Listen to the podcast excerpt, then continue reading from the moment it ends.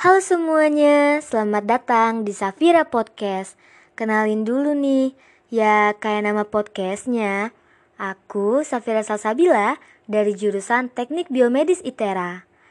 Dan di podcast pertama aku, aku mau ngomongin tentang plan aku di masa depan. Nah, teman-teman sekalian, terutama yang mahasiswa baru kayak aku ya, pastinya punya dong plan di masa depan. Ya enggak, ya enggak. Ya mungkin ada dari kalian yang emang orangnya nggak suka buat plan atau emang nggak ada plan buat masa depan gitu. Jadi prinsip hidupnya tuh let it flow aja. Tapi mostly punya lah ya.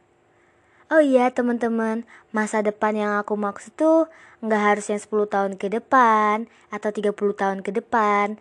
Tapi bisa aja satu bulan ke depan, dua bulan ke depan, atau mungkin dua minggu ke depan. Jadi nggak yang terlalu jauh banget gitu. Karena besok aja udah masa depan, ya kan? Nah, di sini aku mau share ke kalian plan pribadi aku. Aku fokusnya as a college student aja dulu. Jadi tujuan aku sharing di sini siapa tahu bisa menginspirasi teman-teman semua ataupun menjadi penyemangat untuk aku dan teman-teman.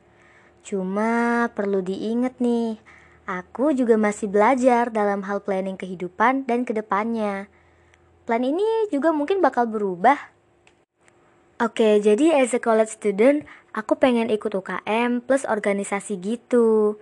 Terus ikut lomba-lomba esai, lomba-lomba KTI, dan semacamnya. Buat nambah skill aja sih. Dan yang paling penting sih, Aku pengen ngambil selama kuliah ya. Karena jujur, aku mengejar status cum laude. ya, walaupun aku nggak tahu sih bakal terwujud enggaknya.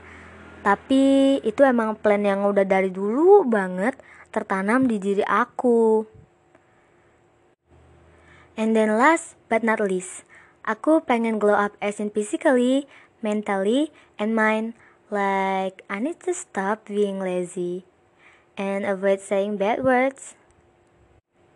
Teman-teman yang denger mungkin bakal berpikir, wah planningnya banyak banget, terus ketinggian.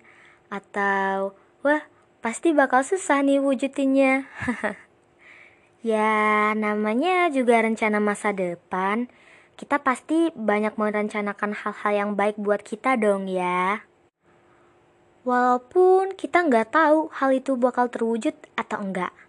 Yang pasti, we must try it first and do the best aja karena aku percaya it is better to be over prepared than under prepared. Oke deh teman-teman, sekedar ngingetin lagi ya, itu semua pure dari diri aku. So, if there are some things yang kurang pas di kalian, aku minta maaf. Dan terima kasih juga buat yang udah dengerin. Semoga bisa menginspirasi kalian semua. Have a nice day everyone.